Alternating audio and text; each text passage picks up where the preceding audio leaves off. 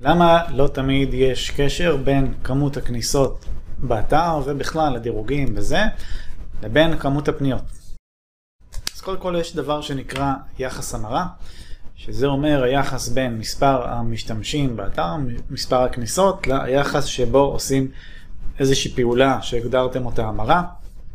לרוב זה יכול להיות קניית מוצר, השארת פרטים, אה, הורדה של משהו, דברים בסגנון הזה, זה נקרא המרה. ומה שתראו מדי פעם זה שלא תמיד יש קורלציה, התאמה בין כמות הנכסים באתר לבין המספר המרות. אתם יכולים לפעמים לראות מגמה של עלייה, הרבה מאוד uh, כניסות באתר ופחות המרות, ולפעמים גם הפוך, לפעמים יש ימים חלשים יותר מבחינת כניסות, אבל דווקא יש יותר מכירות.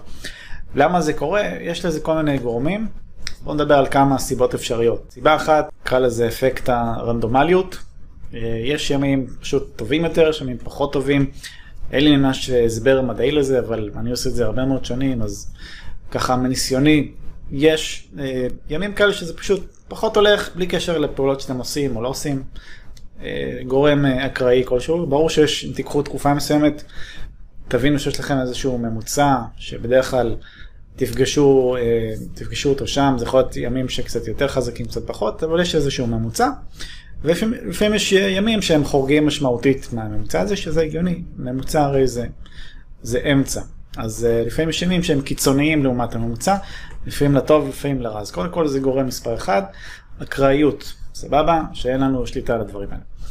גורם נוסף זה יכול להיות עניין של אה, עונתיות, גורמים חיצוניים, קורונה, מלחמה, כל מיני דברים כאלה, זה יכול אה, להשפיע מאוד על אה, גם מספר הכניסות, אבל גם מספר ההמרות. ויכול להיות שכן, תראו הרבה כניסות לאתר, אבל משמעותית פחות המרות, כי אנשים פחות אה, במוד ופחות אה, בראש עכשיו של לקנות, לקנות משהו, ויכול להיות שהם כן מתעניינים ב, בלקרוא, לחפש מידע על מוצר וזה.